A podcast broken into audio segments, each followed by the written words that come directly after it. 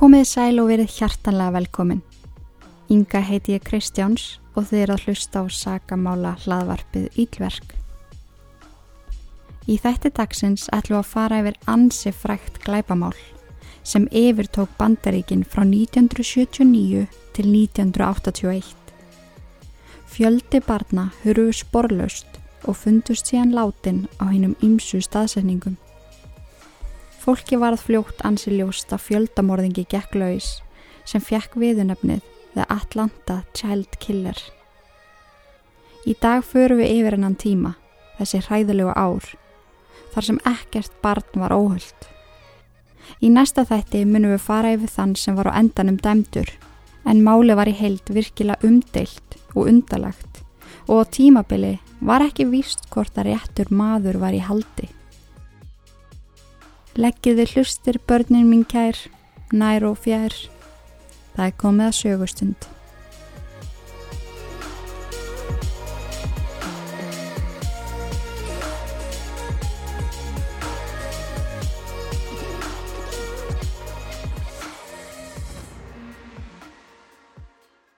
Hinn 14 ára Edward Hope Smith bjó í hrörlegu fátækra hverfi eða gettói eins og þetta var kallað við Cape Street í suðvestur Atlanta.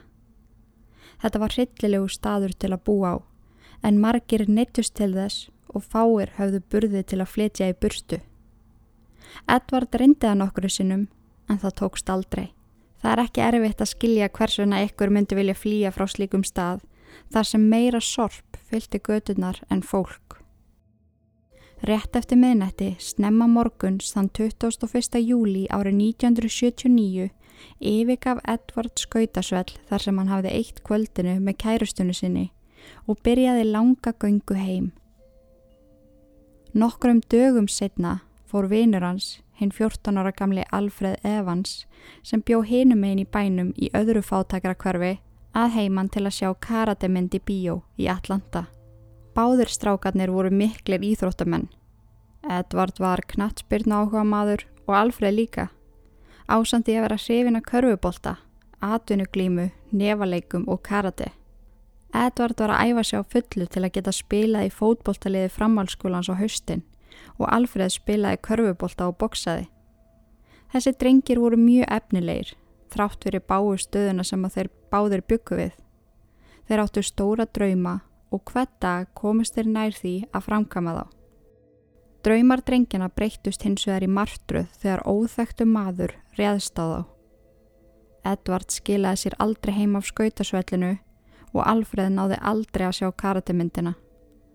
Lík drengjana fundust hann 28. júli 1979 á skói vöksnu svæði við Nisle Lake Road í suðu vestur hluta Atlanta.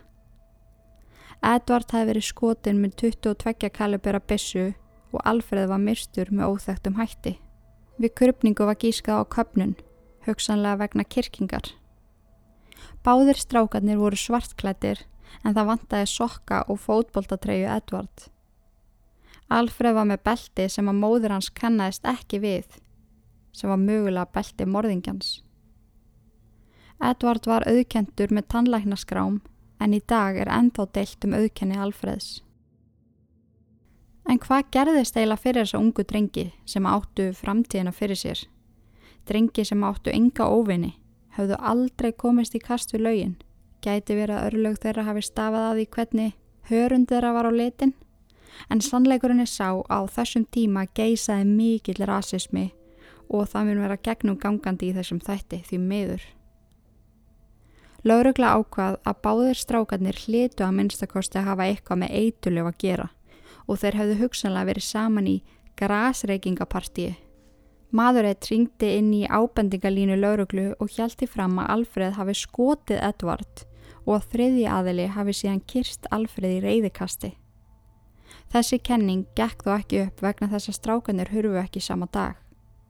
Sá sem ringdi kom síðan aldrei til lauruglu í formlega skýslutöku en þráttur í það þá var þetta allt sem að lauruglun þurft að heyra. Svartir strákar sem að eru að fykta í fíknefnum. Þessi hugsunarháttur lauruglu er sorglegur en gerðist og gerist því miður ennþá mjög oft. En frekar í rannsókn var mjög takmörkuð. Þótt lögregla hafi komist upp með að skrá dauða Edvard og Alfred sem óhapp, tengdu slæmu lífverðni, þá var sagan önnur með hinn 14 ára gamla Milton Haraway. En foreldra hans hafðu komist á brott úr fátækrakverfi og náða byggja upp ágætist líf fyrir sig og svonsinn. Þau settu stað í millistjættakverfi í norðvestur Atlanta. Lífans breyttist til muna eftir að þau fluttu og fór úlingstrengurinn að vennjast betri lífskeðum. Það kom til dæmis upp fyrsta dag haustanar í skólanum að hann gati ekki hugsa sér að fara í skólan því að mammans hafði keift vittlösa stregaskó, sem sagt vittlösa típu. Hann gati ekki hugsa sér að fara og lefa krökkunum að gera grína sér. Þann 4. september 1979 fór hann á hjóli í bankan með ávísun meðferðis en mammans hafði sérst beðið hann um að greiða fyrir hann að kreditkortareikning. Hann skilaði sér aldrei heim. Hjólið hans fannst viku setna á askettu svæði nálagt Sandy Creek Road. Íllafarnar líkamsleifar Miltons fundust um miðjan nómubir í ruslahaug við Redwine Road í útkverfi East Point, utan borgarmarka Atlanta. Mörgu mílum frá hjólinu og heimili Miltons.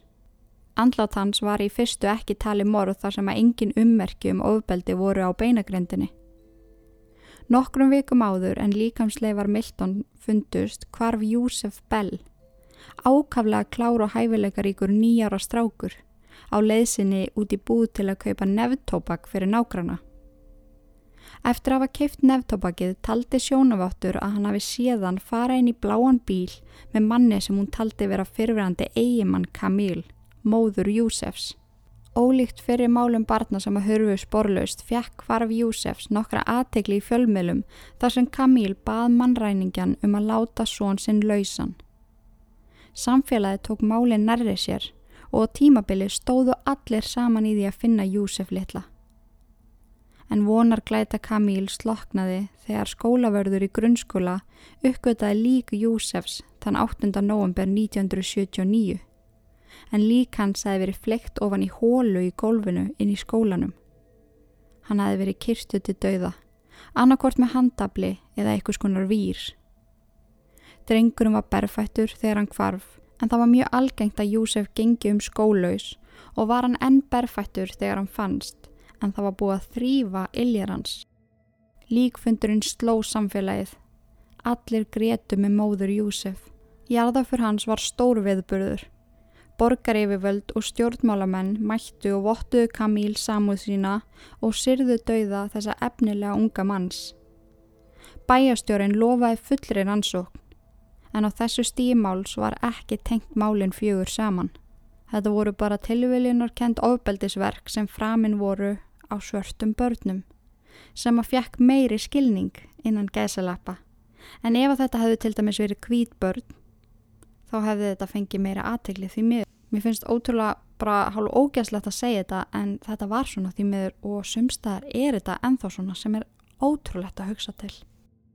Camille Bell, móður Júsef, hafði fylst með málum allara drengjana sem hafðu horfið og fundist svo látnir.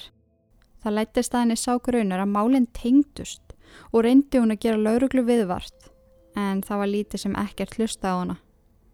Kamíl lísti vannþóknum sinni á viðletni lauruglu og borgarstjórnar ofinberlega.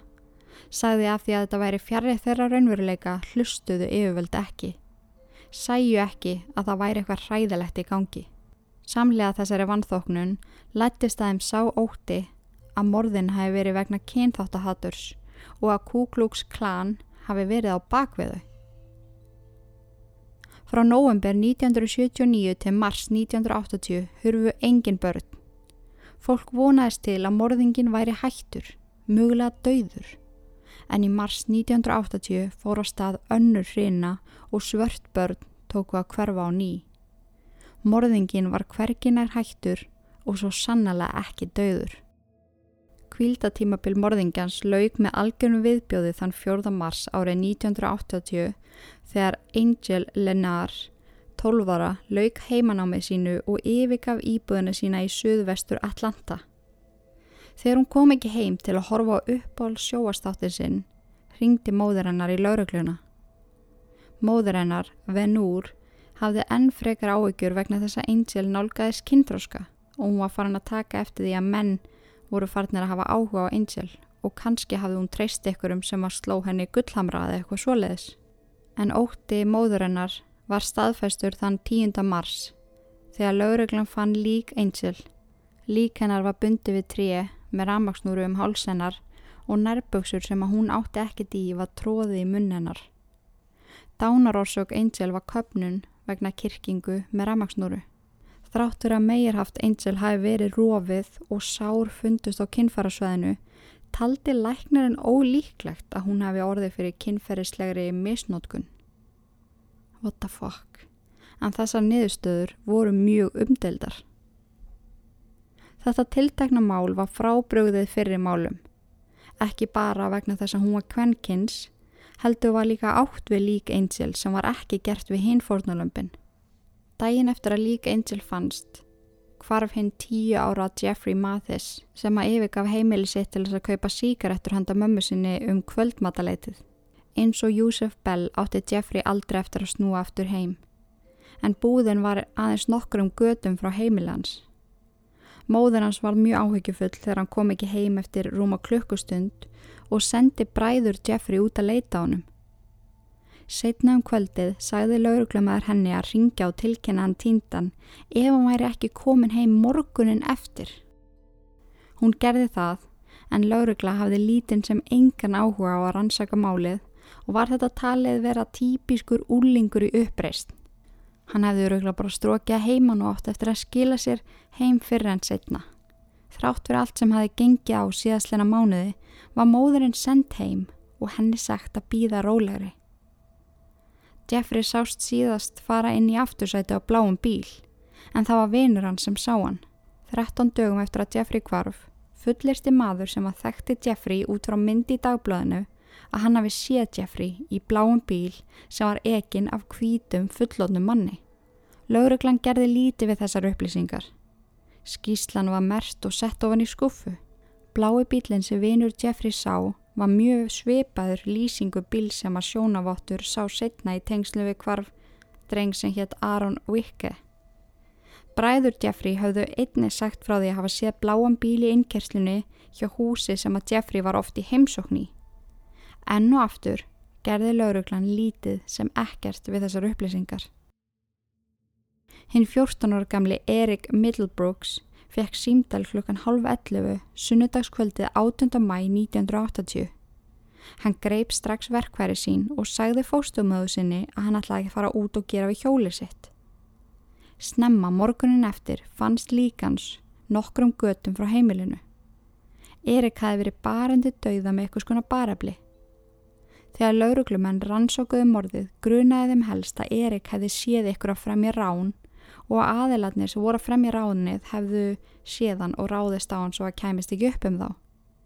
Hins vegar voru ekki nægar sannanir til þess að renna stóðum undir þákenningu. Rétt utan borgarmarka Atlanta í Degatur bjó 12 ára Kristoffer Richardson í fallegu millistjættakverfi með afa sínum og ömmu. Síðdeist þann 9. júni 1980 lagði Kristófur að stað í sundlöginna í hverfinu, en hann náði aldrei að komast tangað.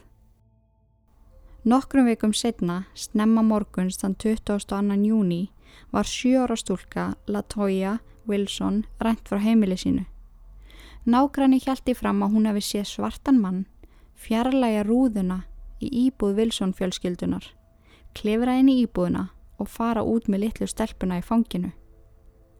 Chet Dettlinger lýsir því í bóksinni The List hversu erfitt það hefði verið að gera það sem að nágrænin hjælti fram að hún hefði séð.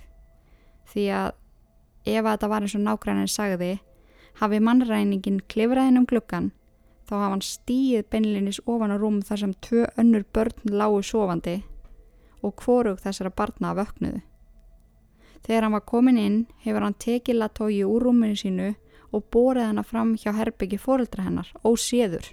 Hún segir að hann hefði lappað út og talað þá við annan svartan Karlmann og meðan hafa hann haldið á Latóniu uh, undir hægri handlegg og hún er ennþá svoandi. Þetta er svona frekar ótrúlegt, uh, ótrúlega frásögn sem að svona, þetta er frekar ósennilegt myndi ég halda og mörgum öðrum fannst það líka.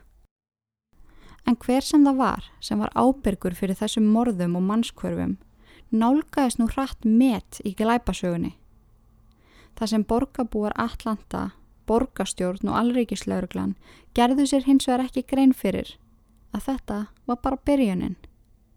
Sumarið sem var að skella á með feskum ilmagrasi og blómum var því meður setna nefnt sumar dauðans og það var bara rétt að byrja.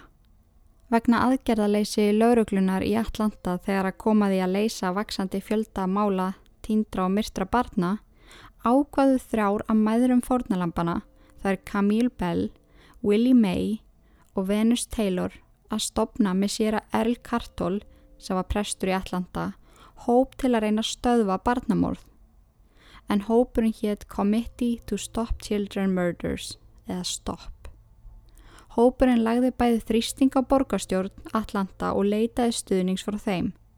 Hópurinn var stopnaður á háréttum tíma því að daginn eftir kvarf Latoyu Wilson kvarf hinn tíura gamli Aaron Wicki. Daginn eftir kvarfið fannst líkans undir brú sem fór yfir hjártbrautateina í Dekalb síslu.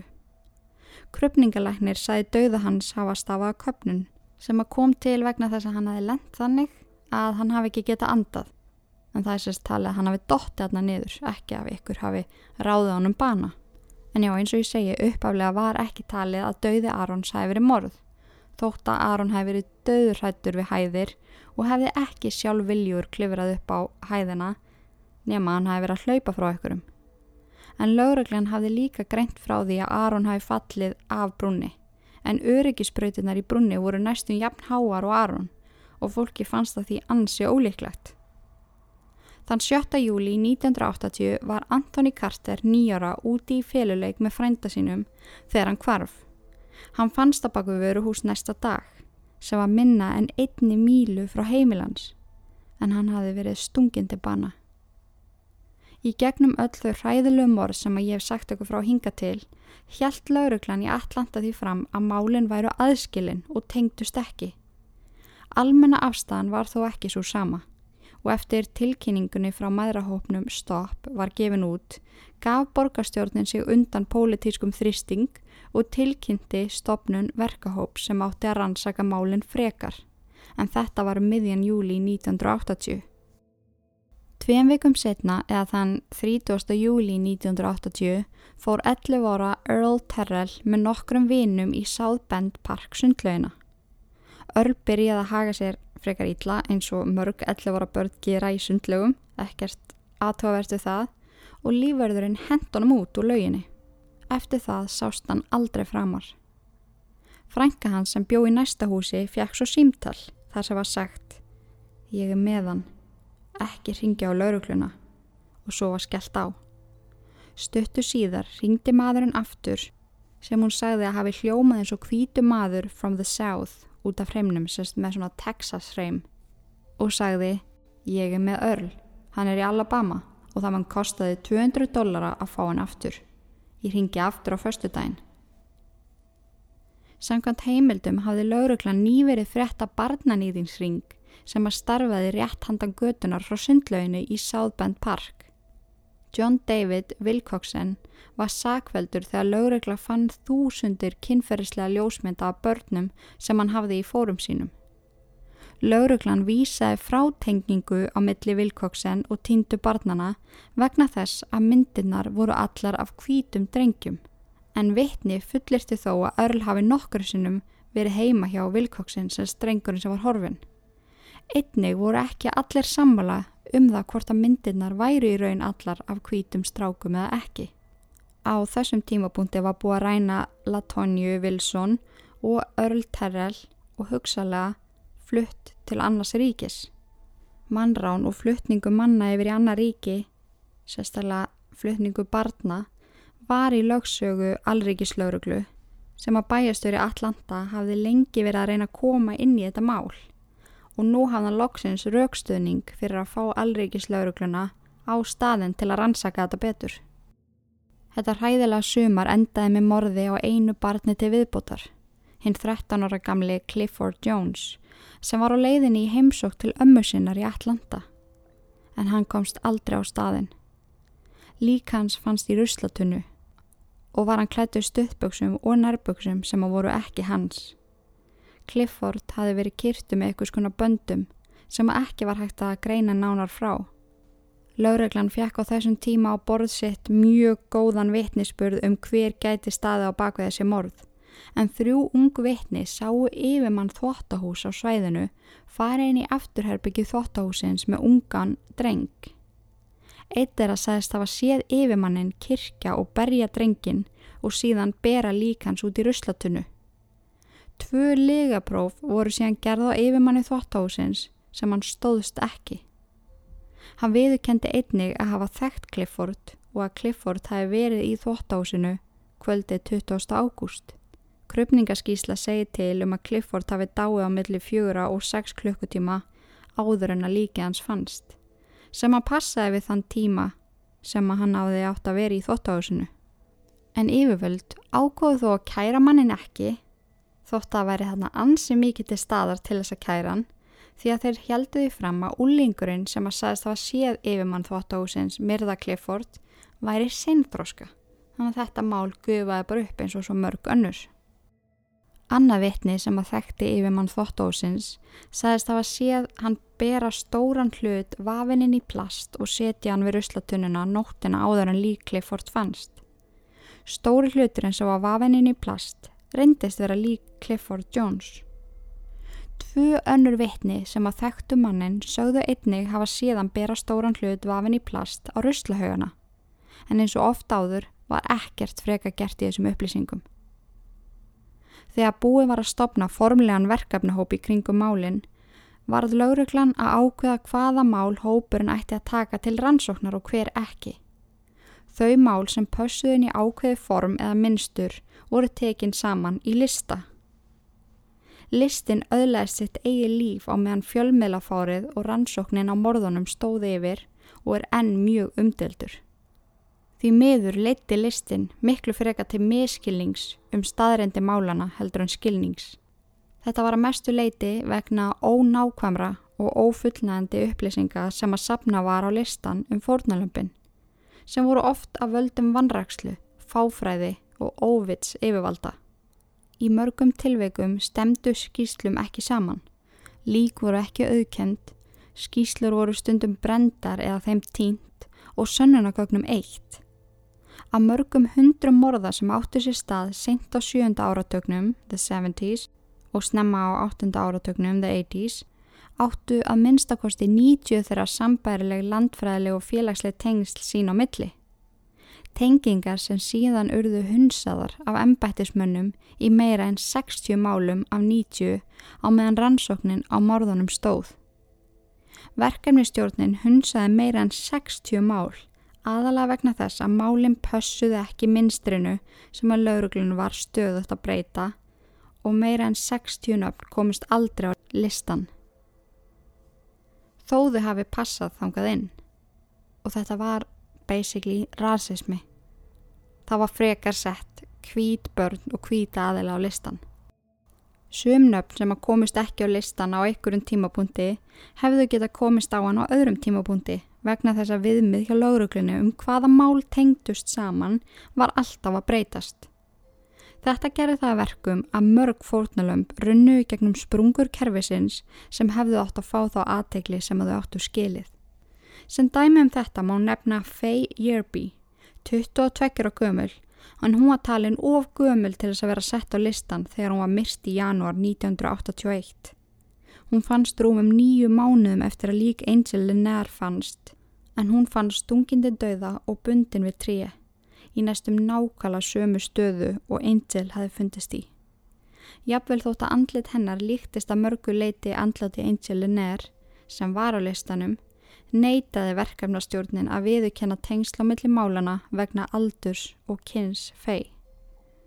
Þetta meikar bara engan sens og er svo fáralegt og svo ósangjant að ég er, í, ég er í svo miklu sjokki yfir þessum vinnubröðum og bara ég upplefa hvað er annað að vera bara ha? En á meðan við jöfnum okkur aðeins á þessum upplýsingum skulum við heyra nokkur orð frá styrtaræðila þáttarins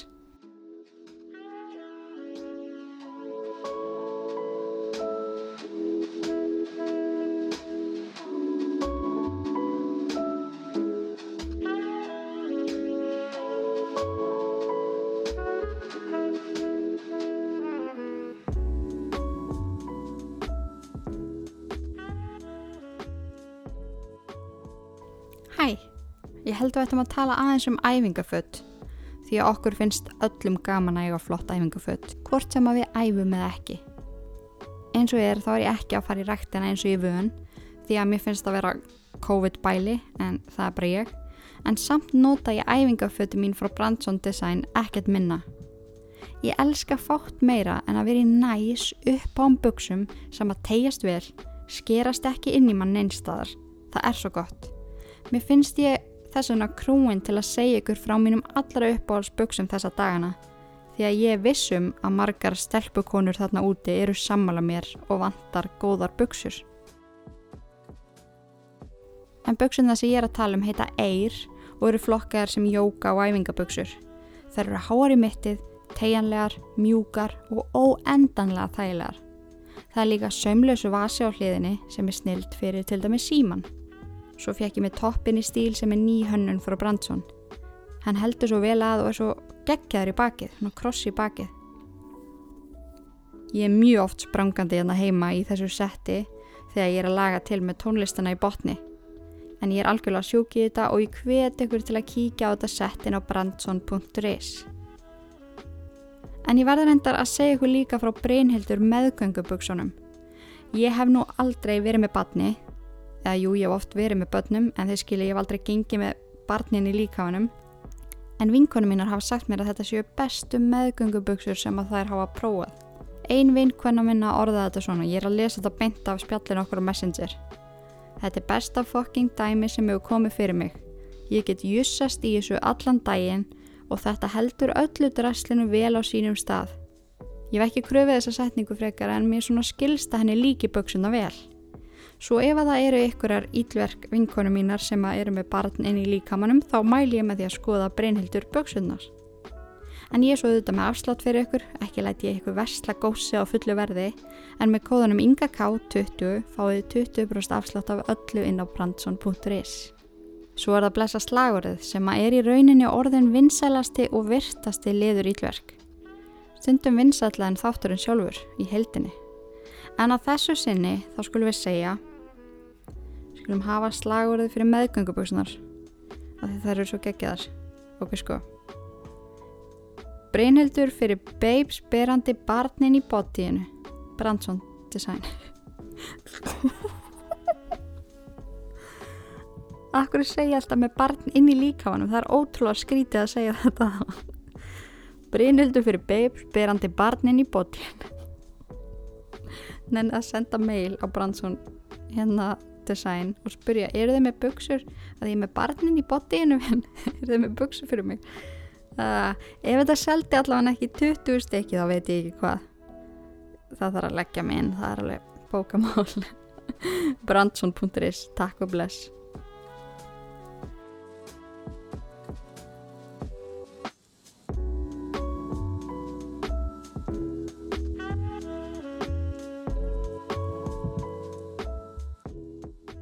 Velkomin tilbaka, babes, babes með bodies. en vindum okkur aftur í söguna og ég vonaði að ég hef búin að jafna ykkur aðeins á hryllingnum og óréttlætinu sem að ég saði ykkur frá fyrir hlýja og séð við búin að upplefa það aftur hérna eftir hlýja. En þetta mál er bara horror frá A til Ö. En þann 14. september 1980 hvarf 10 ára gamli Darron Glass Lauruglan hunsaði málið vegna þess að Darron hafi strókið heimann nokkru sinnum áður. Það sem lauruglan var að glíma við á þessum tímapunkti var að morðin voru mörg framinn með mismunandi hætti og því fannst þeim aðeins fá þeirra að passa inn í ákveði minnstur, þetta minnstur sem þeir voru að búa til til að málinn kæmust á listan sem erðu skoðaði betur. En venjulega velur raðmorðingi ákveðna tegund innan gæsa lampa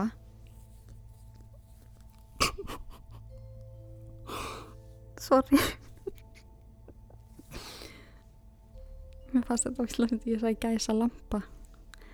Og það var ógeðslega óviðandi að hlæja í þessu máli en það glatti mig mikið ég sagði gæsa lampa. En ég meinti, ég meinti þetta gæsa lappa. Vennilega velur aðmörningi ákveðna tegund innan gæsa lappa. Fórnarlamps sem er annarkort kvenkin eða karlkins en sjaldan bæði Þótt að aðferðir morðingjans gæti breyst með reynslu eða því að hann sá gulli tækifæri þá er vanalega alltaf eitthvað sem er einskerst og tengir morðin saman. Hluti af vandamálunu var listin sjálfur. Það var mjög ólíklegt að einn einstaklingur eða hópur einstaklinga bæri ábyrð á öllum morðunum og kvörfunum. Maður til dæmis ber saman morði á Latonju Wilson og nýfastunga árás Clifford Jones bendir það til mjög ólíkra geranda. En hins vegar verðist það í sömund tilveikum vera þannig að minnstakosti einni að hugsalega nokkrir ótengtir raðmorðingar séu að verki. Þegar morðin og mannskörfin heldu áfram stanslust komu fram ímis minnstur og ímsar kenningar. Seinta kvöldi þann 9. oktober 1980 hvarf hinn 12 ára Charles Stevens. Lík hans fannst dægin eftir. Á glæpavettvangi mengaði lauruglumæður vettvangin þegar hann hendi teppi yfir lík drengsins. En trefjarnar frá teppinu blönduðust við þessast trefjar sem að voru nú þegar á staðnum. Tali var að trefjarnar sem skoðar voru væri úr rauðu áklæði í fordbíl en teppið var líka raukt þannig að þetta trublaði rannsóknin alveg helling. En fíknefnarsali fór til lauruglu degi eftir að lík Stephen fannst. Hann sagði lauruglu að sama dag og Charles Stevens kvarf hafi hann farið inn í bíl eins viðskiptavina síns til að selja eitulif. Þegar fíknefnasalinn leiti aftursæti á bílnum sá hann ungan dreng liggja líflausan með höfuði snúið á skottinu, vafininn í lag. Þegar fíknefnasalinn spurði út í drengin varð aukumæða bílsins reyður og saðan um að drengurum væri bara dópaður og sofandi. Fíknefnasalinn lísti yfir lauruglu að hann hefði ágjör á drengnum vegna þess að hann leit alls ekki út fyrir að vera dópaður. Hann leit miklu meira út fyrir að vera látin. Aukumaði bílsins ógnaði fíknefnasalanum með dauða ef hann myndi segja frá því sem hann sá. Það var þá sem að salin fór til lauruglu og sagði þeim söguna. Hann bætti við að hann þekkti mannin, að maðurinn var í barnaneyingur og hann hefði einmitt bóðið sér pening til þess að finna fyrir sér unga stráka sem hann geti nota sem kynlífstræla. Um miðjan oktober fundust beinagrindaleifar Latonju Wilson í norðvestu hluta Atlanta, ekki og langt frá heimileginar. Það var ómögulegt að ákverða dánarórsök eða hvort hann hefði verið beitt kynferðislu og ofbeldi í ljósi þess hversu niðurbrótið lík hennar var. Haustið 1980 gaf borgastjóri Atlanta út útgöngubann um alla borgina. Óttast var að morðingin eða morðingjarnir myndu fara á stjá á meðan á rekjavöku stóð og hugsalega reyna að ná börnum á meðan þau gengu um gödunar í leita sælgeti. Borgareftilitið var einni fært í auka til þess að koma í veg fyrir annar morð. En því miður mistókust allar þessar tilraunir þegar enn eitt líkið fannst fyrstu vikuna í nóvember. Hinn nýjára gamli Aaron Jackson, vinu fórnalamsins Aaron Wicki, fannst látin undir brú í South River í november 1980, nálægt staðnum sem líka Aaron Wicki fannst. Dánarórsök Jackson var skráð niður sem köpnun og talið var líklegt að ykkur hafi verið haldi fyrir munnans og nef þánga til hann dó. Um sama leiti og Jackson var myrtur hafði konu orði vittni að manni á þeim vettvangi þar sem líkið uppgötaðist síðar. Konan segði rannsóknarteiminu frá því sem hún hefði séð sem að enn og aftur gerði ekkert í málinu. En þetta var þó ekki eina villan sem að lauruglan gerði í þessu tiltakna máli.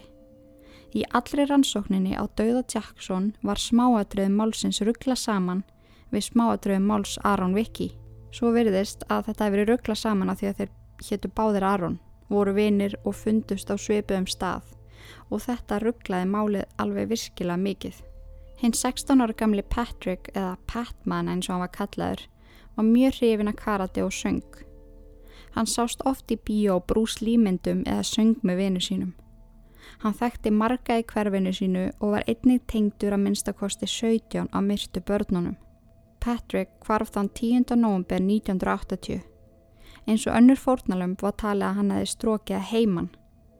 Viku áður hann hvarf hafði hann sagt mömmu sinni að hann ótaðist morðingjan mikið. Móður vinar hans sem hafi verið myrtur nokkru fyrr sagði lauruglu að Patrik hefði verið að leita sinni sínum til þess að segja honum að hann hefði fundið eitthvað til að hjálpa þeim með söngferil þeirra. Mann að nafni Wayne Williams og við skulum muna þetta nafn vel. en Patrik fannst hann 21. desember rétt fyrir jólin árið 1980 látin í Tjattatútsi áni. Dánarórsök hans var mjög þungt höfuðhögg. Í bókinni The List sem var gefin út í apríl árið 1984 kemur fram að eftir morðið á Jackson hafi ekki fleiri ungbötn verið sett á listan. Einni virtust morðin á þessum tíma fjarlægast miðbæi Atlanta og færast yfir í útkverfi borgarinnar. Luby Gíter kvarf í janúar 1981. Hann var 14 ára.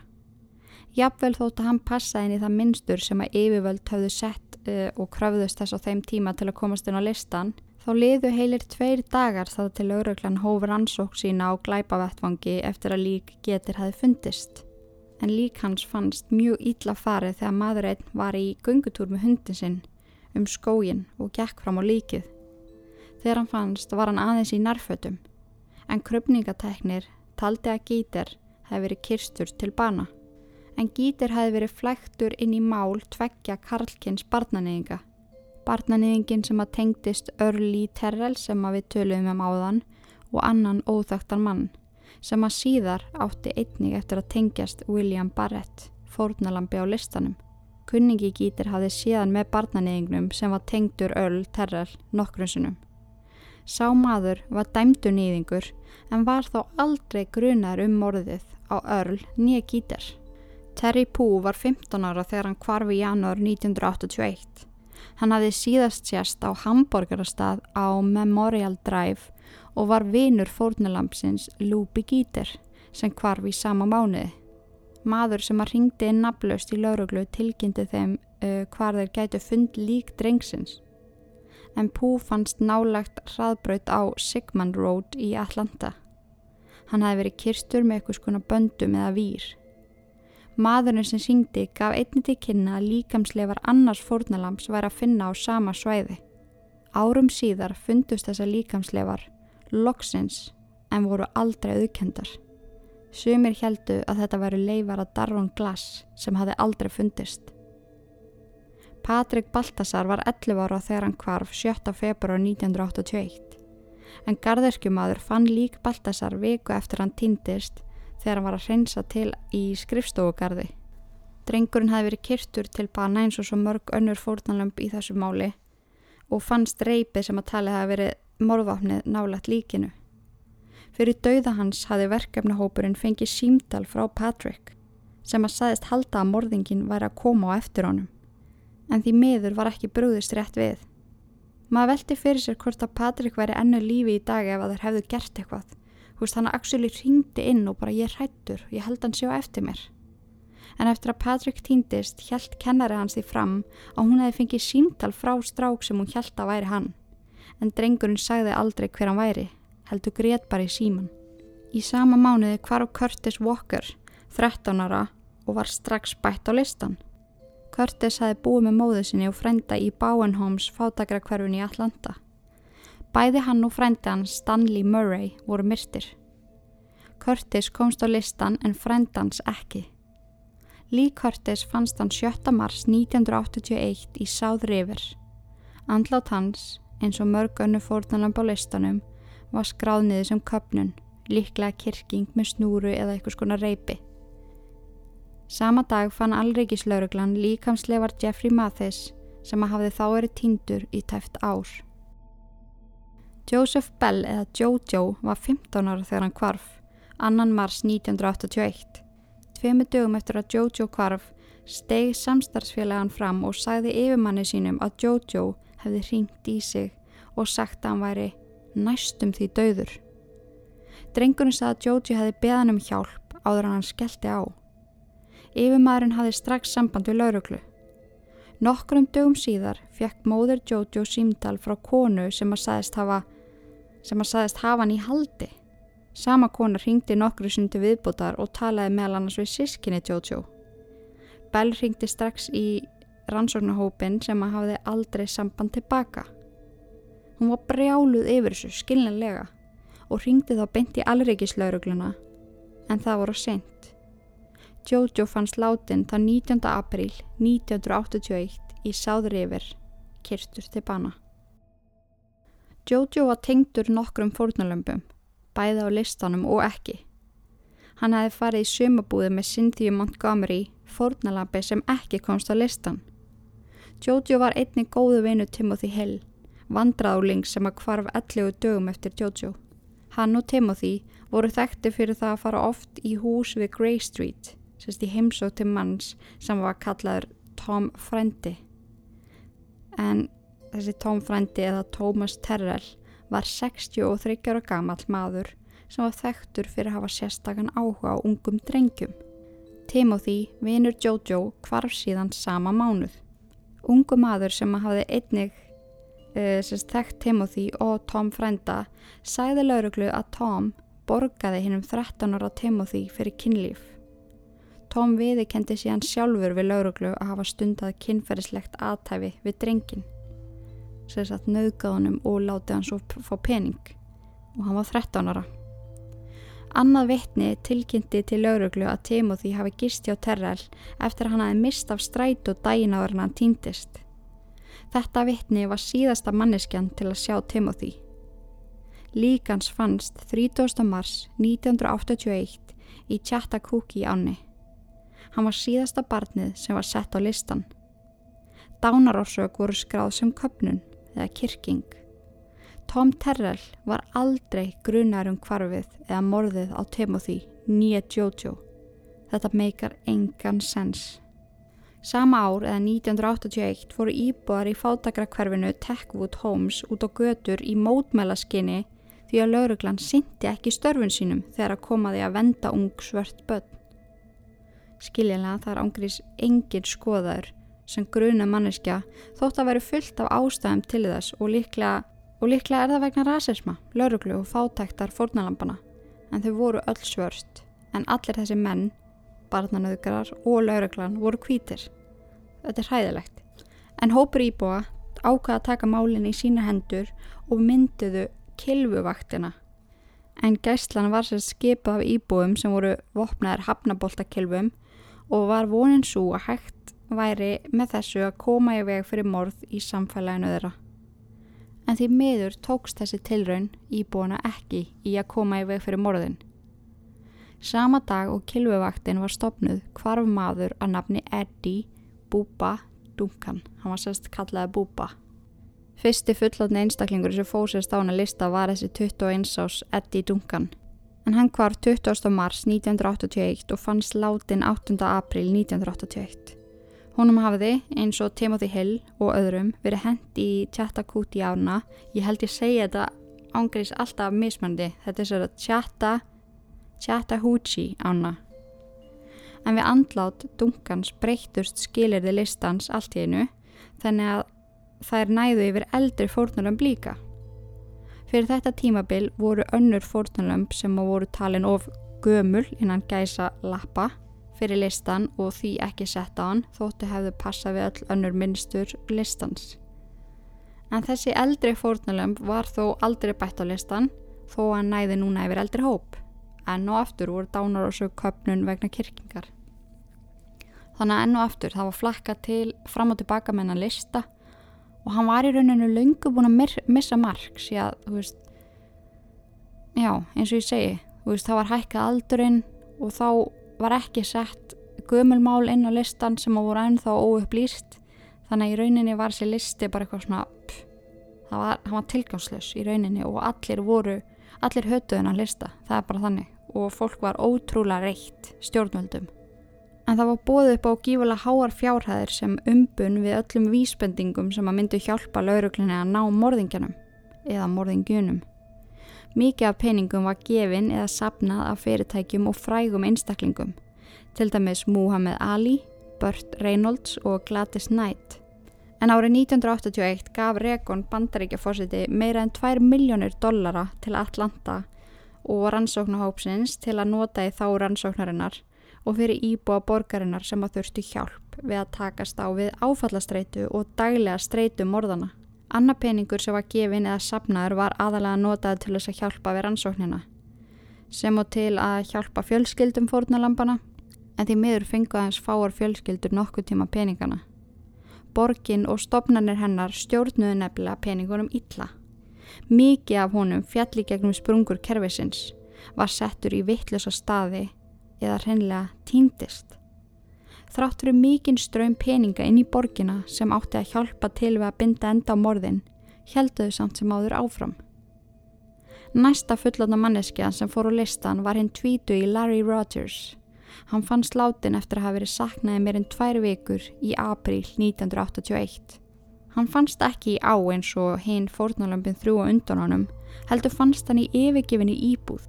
Dánar orsök hans voru staðförst sem köpnun vegna kirkingar. Hinn 23. gamli Michael McIntosh fyrir um afbrótamaður var búin að klára dóminn by the way, sást síðast þann 21. mars 1981 af verslunareiganda sem að sagði að ungi maðurinn hefði lendi í slagsmálum. Hann sást aldrei aftur á lífi. En Michael hefði búið í gutinu á móti veitikastanum sem að Jojo vann á og þeir þekktust. Michael var einnig þekktur fyrir að hanga með Tom Terrell þar sem að Jojo Bell og Timothy Hill höfðu einnig oft verið. Michael var dreyin upp úr Chattoochee áni í april 1981 og hafði hann einnig látist út á köpnun. Þannig að mér er mjög líklegt að allir þeir sem voru kirstið til dauða hefur verið kirstir af sama manninum. Ég finnaði eitthvað neina á mér. John Porter, uh, líkt og Michael McIntosh, var fyrir um afbrótamaður líka. Hann eitti miklum tíma með ömmu sinni sem hann bjó af og til hjá, en hún hafði reykjan út úr húsinu nokkru sinum vegna undarlegar hegðunar en hann þjáðist að alvarlegum geðrænum vandamálum og hafi dvalið í lengri tíma á geðtilt. Hann var rekin út skömmu áður en hann hvar vegna þess að ammans hafi komið að hann vera snersta tvekjar og dreng sem að hún var að passa heima hjá sér. Hann fannst á gangstjætt á tomri lóð en hann hafi verið stungin sexinum til bana. 21 áskamli Jimmy Ray Fain hvarf sama mánuð og John Porter. Í skýslu lauruglu kom fram að sýstir hans sá Payne dægin áður hann hvarf. Hann hafi deilt íbúð með sýstusinni og móður. Sýstir hans sagði lauruglu að hann væri á leiðinni að selja gamla mynd. Kærasta Payne segist síðan hafa síðan dægin, eh, sem hann hvarf. Hún sagði fyrir dóma hann hefði gengið með henni að strætóstoppustöðinni morgunin 22. apríl. Hún hafi byrjað að hafa ágjur þegar hann sótt hann ekki að stoppustöðinni aftur því þau ætluð að hittast þar. Það var vita að Payne þjáðist af þunglindi, sérstaklega meðan hann satt inni og afplanaði dóm fyrir inbrott. Payne hafði á sínum tíma reynd að hengja sem í rúmfötum en tókst það ekki vegna þess að félagsráðgefi hans fann hann. Payne fannst viku eftir hann kvarf í Chattahoochee áni. Greint var frá því að dánarásök hans væru óviss. En sá, já, krupningatækni var ekki alveg viss en það var talið að hann hafi verið í vatninu sérst frá því hann var drepin og þángu til hann fannst. William Barrett var 17 ára þegar hann kvarf í mæ 1981. Hann kvarf á leiðinni til að greiða reikning fyrir mömmu sína. Dægin eftir fannst líkans nálagt heimilið sínu. Hann hafi verið kirstur og stungin. Krupningalæknir greindi frá því að nýfstungan hefði átt sér stað eftir að Billy lesti við kirkingu. Nathaniel Carter, fyrir um afbrótumadur, var 27 ára gammal þegar hann var síðasta fórnulambið sem komst á listan. Hann hafði búið í sama íbárhúsi og Latonia Wilson. Ekki er vita nákvæmlega hvenar Kaster kvarf.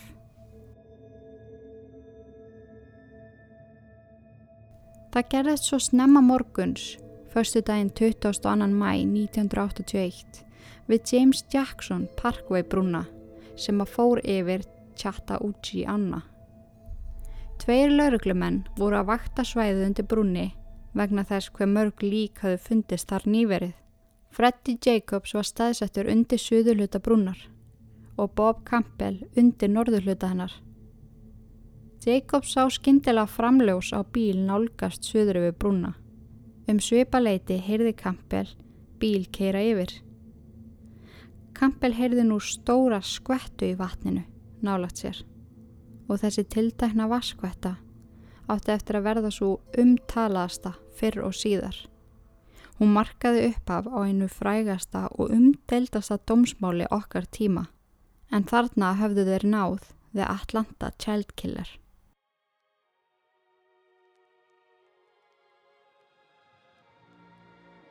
Í næsta þætti förum við málmann sem var grepin við það að henda líki í ána. Hver var eiginlega þessi hræðilegi maður sem hafi lamað íbúa Atlanta síðustu árin? Við förum einni yfir alls konar kenningar og vangaveltur um að mögulega, mögulega sé vittlust maður í haldi. Ég get allavega sagt ykkur að upplýsingarnar sem ég mun segja ykkur næsta miðugudag komi mér virkilega óvart. En þanga til næst, takk fyrir að hlusta, takk fyrir að vera til og í guðanan bænum forðist öll ílverk nema þetta podcast. Verið sæl. Þáttastjórnandi er Inga Kristjáns. Höfundur handrits er Valdís Marja. Ílverk podcast 2020.